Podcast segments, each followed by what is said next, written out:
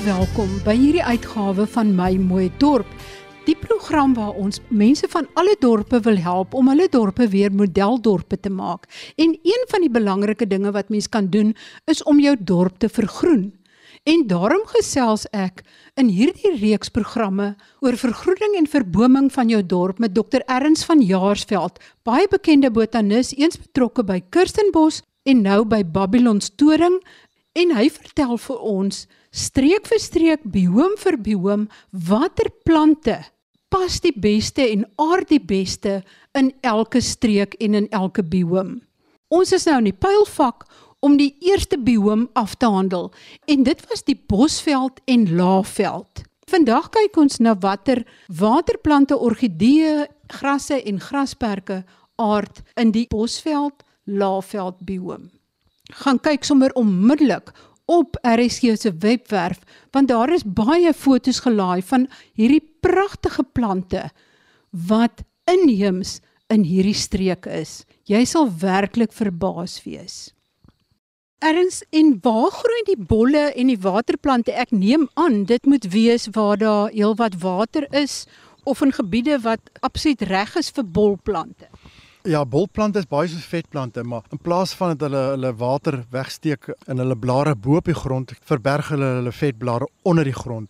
Natuurlik alles wat bo-gronds is, wil diere vreet en baie van daai bolle is vreedbaar, maar baie is ook nie eetbaar en is baie giftig. Daar's 'n hele paar uh bosvelsoorte soos Drimia epigea in daardie ou pragtige bol maak sulke groot knoetse bo-op met die groot ou skubbe op die grond en hy maak 'n lang regop bloeiwyse wat uit hom kom. En dis 'n tipiese bosveldplant. Hy's nie meer onder die grond nie, maar bo op die grond. So dis dis een van die uitsonderings. Daar is ook 'n bosveld chinkerichie. Ons almal bekend met ons gewone Wes-Kaapse chinkerichie met sy spierwit blommetjies. Maar daar is een wat op al daai koppe in die in die laafveld voorkom, Ornithogalum sondersie en hy groei baie maklik. En natuurlik is 'n somerbol. Jy plant hom hier in die in die lente en dan blom hy natuurlik in die somer en herfs. En hy's baie maklik van saad ook en hy geword omtrent 'n 1 en 'n meter half. Nog 'n bol is die ou gifbol. Meeste van ons is vertroud met hom. Hy het blare wat soos 'n waier altyd teenoorstaande uh, staan en sy bol sit ook eintlik bo op die grond. Hy word verskriklik oud en hy word ook baie gebruik in in ander rituele onder die swart bevolking en ook deur die Khoi en in San mense het hom ook gebruik. Maar hy is baie mooi. Hulle dra gewoonlik 'n baie mooi, hulle behoort in die Amaril familie in 'n skerm pragtige soort van 'n maroenkleurige blomme. Ander mooi bosveldbolle wat 'n mens kan kry is natuurlik die rivierlelies. Daar's 'n hele paar soorte. Maar ek dink byvoorbeeld aan Crinum macowanae en Bulbispermum. Hulle word groot. Die bolle self is diep moeilik om uit te haal, maar die blare is baie groot in die somer. In die in die winter gaan gaan hulle blare af, maar hulle dra hierdie groot klokvormige lekker rykende blomme. So hulle groei baie baie maklik en dan die Corana lelie ook. Amogarus coranica. Dit groei ook in die bosveld, hy het weer 'n persblomme. En dan is daar 'n bolsoort wat ook meer van die waterstrome hou en dit is die ou rooi rivierleer nie. Esperanta coccinea. Pragtige bloedrooi blommetjies in langs ons eh, bergstrome. Maar dan begin ek dink aan Marie aan as ek nou begin met met waterplante. Elke streek van ons land het baie gewoonlik riviere en damme. Elke streek het water. En waar jy water is, gaan jy plante kry en Langs riviere kry natuurlik sy eie soorte geplante. En as ons 'n dammetjie skep in ons tuin op 'n natter kol, het ons soveel elemente om weer van te werk. Waterlelies, hulle pragtige drywende blare, dan kom hierdie baie mooi blou blomme uit wat deur bye bestuif word. En as hy klaar bestuif is, vou die blom toe en daai ou blomkop vorm dan saad. Wat so maklik is met 'n om waterlelies te vestig, vat net 'n ou blomkop wat klaar bestuif is en gooi hom in jou visdam en hy saai homself uit. As jy weer sien kom die klein waterlelietjies uit. Die watereintjies baie na aan hom verwant, Nymphoides indica, klein geel blommetjies. Jy kan selfs net 'n blaar plant of net in die dam gooi en hy sal vir jou 'n nuwe plantjie vorm. Dis nou plante wat in die water groei en wat bo dryf, maar dan kry jy water wat onder die water groei en ek dink byvoorbeeld aan palinggras, Vallisneria spiralis. En wat wonderlik is van palinggras, hulle suiwer daai water want hulle onttrek al die vrye drywende minerale uit die water uit en wat gebeur dan? Dan word hy waterarm en die vrydrywende alge wat jou water troebel maak en groen maak, die val dan na die bodem toe. En dan word jou water glashelder. En dis maar die prinsip wat byvoorbeeld groen swembad ons hoor deesdae baie van mense wat nie meer 'n gewone kloor swembad het nie, maar 'n groen swembad. So hulle gebruik dieselfde prinsip. As jy genoeg plante het wat goed groei, onttrek dit daai vrydrywende minerale uit die water die water verarm en die alge kan nie meer oorleef nie. Hulle gaan na die bodem toe en jou water word glashelder. So so jou palinggras groei baie vinnig, maar jy moet net onthou palinggras kan jy vestig moet net net kooi by hom sit nie want kooi vreet hom, die kooi visse. Maar jy kan kurpers saam met hom aanhou en ander. Dit is eintlik 'n wonderlike grasie en baie van daai kurpers is omnivore, die die bosveldkurpers en hulle sal die gras vreet, maar hulle sal hom nie heeltemal opvreet nie. Hulle sal hom is soos 'n grasperk onder. Baie mense gebruik dit ook selfs in aquarium om jou aquarium mooi helder te kry. Die rivierpampoen, dis nog 'n plant wat langs die riviere voorkom, 'n Gannera perpensa. En is ook 'n baie baie mooi handige plant.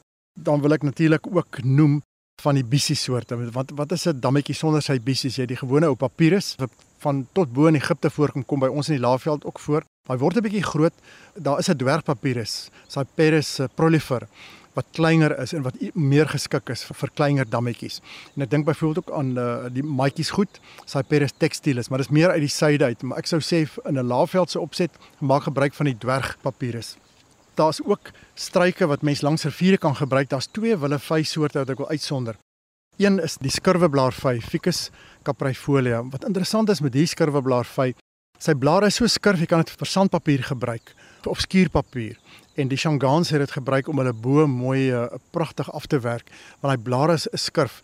Die Afrikaanse naam van die skurweblaarvy is ook rietvy want hy kom altyd voor saam met riete. So hy het lang slap lote uit uh, hierdie stolings op die grond. Hy groei kweek maklik van steggies. Mens moet hom op 'n tydjie snoei, maar hy dra tipies kenmerkende klein vytjies. En nog kleiner as hy is die dwergvy en dit is Ficus pygmaeum. So die dwergvy rank weer langs jou water. En sy vruggies is ook eetbaar, heerlike klein swart vytjies wat hy dra. Hy het 'n blaartjie wat baie lyk soos 'n eikeblaar en hy's maklik. So hy vorm matte langs die riviere bo uit die Caprivi strook uit. So daar is soveel ander plante wat nog gebruik kan word, maar ek dink ek het nou genoeg genoem van wat die waterplante betref. Ja, maar ek kan jou nog nie vrylaat nie want dan is daar nog argitektoniese plante en grasperke en dan dit nog so een of twee vrae vir jou. Is reg so Marie. Argitektoniese plante wat vir al die groter goed. Dit maak eintlik die laafveld as ek dink aan krimitarboom, die grootste van almal. Krimitarboom groei baie stadig. Ek weet die groter bome kan oor 1000 jaar oud word elke mens kan eintlik in die laafveld 'n krimitarboom in sy tuin hê. Maar net deur snoeiwerk kan jy hom klein hou. Ek het hulle gesien al in die Namibwoestyn op die rand van die Namib waar jy een op 'n rotsbank staan. Dan sy pragtige miniatuur weergawe van perfekte groot krimitarboom. So deur vernuftige snoei kan jy hom klein hou. So jy kan 'n krimitarboom hou. Mens moenie bang wees nie, jy moet hom net knip. En dit gebeur dikwels in die bosveld. Jy sien eintlik baie min jongetjies wat lyk of jy hulle nie sien nie omdat die jongelingstadium van 'n krimitarboom soveel anders lyk as die ouer stadium want wat gebeur as die bokkies vreet hom as hy jonk is? Omdat alles omtrent 'n krometarboom eetbaar is, van sy vruggies tot sy wortels tot sy blare, spinasie, sy stingels. Maar die jong plante wat so interessant is, die bokkies vreet hulle af en dan kan hy boom nie groter word nie. Maar soms gebeur dit wel dat jy goeie bosveldjare vir baie reën. Dan kom die gras in so hoë mate op dat die bokkies nie meer aan die krimitarboom vreet nie en dan kry hy kans om 'n lang stingel te maak en verby die uh, bokkies te groei. En dan begin hy natuurlik 'n gesette boom raak. So die bokkies hou hom eintlik in 'n klein bonsai vorm totdat natuurlik genoeg kos is en dan kan hy sy natuurlike vorm bou. Maar ek dink byvoorbeeld aan die nabome, die ou grootes het ook baie mooi kenmerkende vorm en dan die sterk kastaing. Die sterk kastaing is ook pragtig. Hy's ook baie soos 'n dwergkrimmetart. Hy het ook daai kastaing-agtige vruggies. Hy's weer baie doringrig ook binne sy vruggies. So mens moet maar versigtig wees as 'n mens met daai pypies werk. Jy kan daai pypies plant en hy kry 'n uh, vet stam. So dis 'n pragtige ding en dan natuurlik die ou kudu lelie. Ek het hom ook genoem reeds die Pagipodium sondersie een ding wat ek vergeet om te noem onder hulle is natuurlik die ou kanidote en dit is die kommiferas. Ons het baie soorte in die laafveld en die een wat ek wil uitsonder ook is die groenstam kanidoot. Hy het pragtige groen stam met 'n vel wat skilfer. Ons noem hulle ook 'n vervelboom. Byvoorbeeld met die vervelboom kan jy net 'n stuk tak afbreek in die winter en jy plant hom in jou tuin en hy sal groei. So daar's 'n hele paar soorte van die kommiferas. Die perstam kanidoot uit die noorde van Namibië. Jy het 'n een met 'n baie ligte stam ook in die bosveld uh, ook 'n ander komifera en dan kry die, die rooi stam kan hy dood komifera harvey. Ook 'n wonderlike boontjie met daai mooi kenmerkende skilverbas. En al die kanidote die boere het hulle gou genoem kanidoot hulle het gou gevind as hulle die bosse gebruik as 'n hoekpaal dan begin daai paal sommer groei. En dis hoekom hulle genoem het kanidote en 'n tuin is hy ook 'n kanidoot hulle word ook nie te groot nie. Daar's verskeie soorte Commiphora glandulosa, Peracanthoides wat kleiner bly. Hulle kan as heininge gebruik word want omdat hulle baie doringrig is. Daar's ander soorte so by Commiphora mollis wat wat weer nie doringrig agtig is nie, maar net as 'n normale klein boontjie ontwikkel. So onthou die die kanidoot soorte, hulle het baie mooi vorms. Hulle verloor gewoonlik hulle blare en aan die winter het jy daai mooi argitektoniese vorm. En dan dink ek byvoorbeeld aan die vetsakboom, sê Samotamnus lugardi, en daar selfs 'n drakeboom, die Laaveld drakeboom wat uit die Olifantsrivier kom. Dis 'n uh, Dracena transvalensis. Jy kan hom ook van net van 'n sytak kweek. Uh, druk hom net in en hy begin groei en hy's baie baie mooi. Ons het heelwat palmsoorte ook wat natuurlik in die Laaveld voorkom, die wille dadelpalm, Phoenix reclinata. Mens moet net versigtig wees as jy hom plant as hy nog jonk is, sy blare onderaan het hierdie uh, vreeslike stekels aan wat nie lekker is om mee te werk nie. En dan dink ek aan die ou uh, gewone lallapalm, die ou hyfyn soorte wat in die bosveld voorkom met hulle waaieragtige blare en selfs die borasse soorte. So daar's 'n hele paar palmsoorte wat ook gebruik kan word. Hulle word bietjie groot en mens plant hulle ook maar vir die toekoms. Hulle stadig groeiende bome, maar hulle is eintlik baie baie aantreklik. En as ek nou in die bosveld of in die laafveld bly en ek wil graag 'n grasperk aanlê, Wat is die beste gras wat jy sou aanbeveel om te plant? Wat die beste daar aard? Ja, Marie, ek wil twee uitsonder. Daar's baie grassoorte. Mens kan natuurlik grasse gebruik ornamenteel, byvoorbeeld buffelsgras wat baie mooi is en ook die haasgras van die Melinus repens en ander soorte wat baie mooi pas onder die bome. Maar as jy 'n grasperk wil hê, met ander woorde wat jy kort wil hou, kan 'n mens ook goed aanplant soos kokojo, maar die probleem met kokojo uit hierdie lang stolons en dit is baie lastig om met hom te werk want hy eers in 'n bedding is kan hom omtrent nie uitgroei kry nie. En die twee soorte wat ek het, het glad nie daai probleem nie. Dis die swasie gras, die Gitaria didactyla, hy groei plat, sy stolons loop bo op die grond en hy het breë blare. En die feit dat hy breë blare het, wys hy's aangepas by skadu. So waar die kokojo en ander gras lankal sou gevrek het, sal hy net aanhou groei. Maar dan dink ek aan die ou Durban of Berea gras, is nog 'n laafveldse grassoort. Dactyloctenium australis, hy's bietjie meer bekend maar is wel beskikbaar, ook breër blare, groei ook baie mooi onder bome. Ek kry dikwels 'n uh, vraag van die publiek, hoekom vrek my gras onder die bome? En dit is normaal. Sodra jy elke nuwe tuin begin baie sonnig, dan groei daai grasperke so goed. Maar sodra die bome begin groei, begin daai gras daaronder lê want hulle het die son nodig vir fotosintese. Dan begin hulle terugvrek. En dan dit tyd om grondbedekkers te plant. En uh, dis hoekom hierdie Durban gras en die Swazi gras is aangepas het juist daai breër blare en aangepas om in in skadu te kan groei onder daai bosveldbome. En hulle kan ook geknip word soos 'n normale grasperk. Tewens dit is maar hy lyk maar net so 'n normale grasperk, maar hy het nie die lastigheid van hy ondergrondse stolons wat jy het met kokojo byvoorbeeld nie. Kokojo is ook 'n Afrika gras. Dit kom maar net daar bo uit noordelike Kenia uit die uit die gebergte uit. Dit's 'n wonderlike gras eintlik want hy's eetbaar. En dit is ook maar ingebring. Ek dink hier in die 30er jare het iemand hulle van die noord af ingebring en vandag word dit as veiding op soveel plase gebruik die kokojo gras afgesien van die ou grasse as grasperk, die gewone ou dekgras is ook so kenmerkend van Bosveld en as jy mense hoekie in jou tuin het, daar is kwekery wat vandag wat gespesialiseer op van ons mooi grassoorte. Kan 'n mens baie van daai grassoorte ook aanplant. Natuurlik, hulle het ook maar hulle onderhoud nodig. Hulle moet ook in die winter gesny word. Wat natuurlik gebeur in die laafveld, hulle het natuurlike brand en dan loop die gras maar net weer uit. Ons kan natuurlik nie ons tuine afbrand nie want dan skep ons brandgevaar, maar ons kan iets soortgelyks doen is net deur die die natuurlik om net kort te sny dat hy weer van voor af uh, uitloop. En ek dink aan rooi gras ook wat eintlik maar 'n grasveld soort is, maar jy kry hom ook in die laafveld. So daar's baie mooi grasse. Vandag is daar 'n beweging of dit al hoe meer uh, na ons grasse kyk en kyk watter soorte het potensiaal wat in tuine gebruik kan word. Ek weet in Amerika en ander dele van die wêreld word verskrip baie grassoorte gebruik. Nie soseer Suid-Afrikaanse grassoorte nie, maar hulle eie plaaslike grasse, maar net ook baie van ons inheemse grasse begin ontdek wat goed in tuine aard. So daar is 'n uh, vir 'n tuin, vir elke hoekie, vir elke deel is daar 'n plant wat sal aard.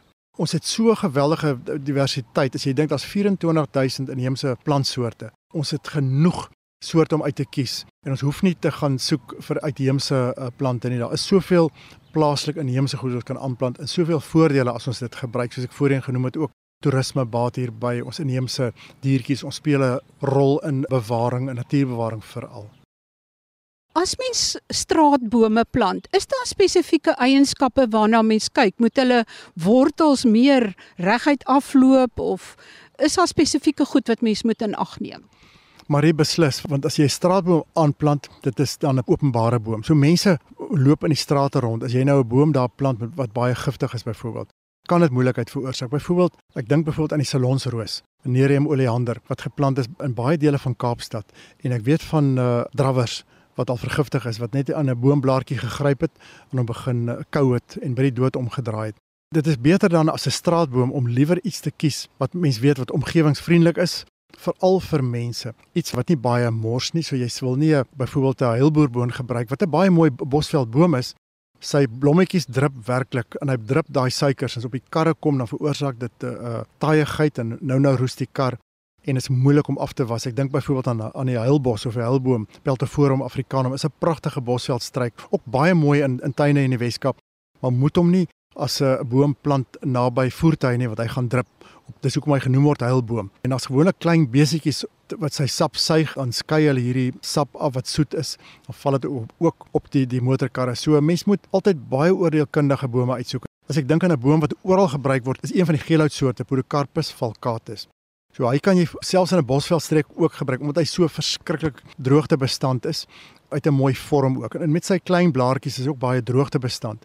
Maar jy kan hom eintlik oral gebruik van die nuus na woude as 'n straatboom trend oral. Hy sal 'n bietjie sukkel natuurlik in Bo en Mosina. Ek sou sê as hy in, in daai deel bly, maak gebruik van jou plaaslike bome. Hoekom sukkel jy nou iets uit die Wes-Kaap? Maar ek weet beskikbaarheid van bome is is altyd 'n kwessie. En partykeer stappe mense in 'n kwekery en dis al keuse wat jy het. Ek hoop dat dat kwekery sal baie meer begin om om bome van hulle streek te begin aanhou en dit beskikbaar stel. En ek weet dit begin alreeds.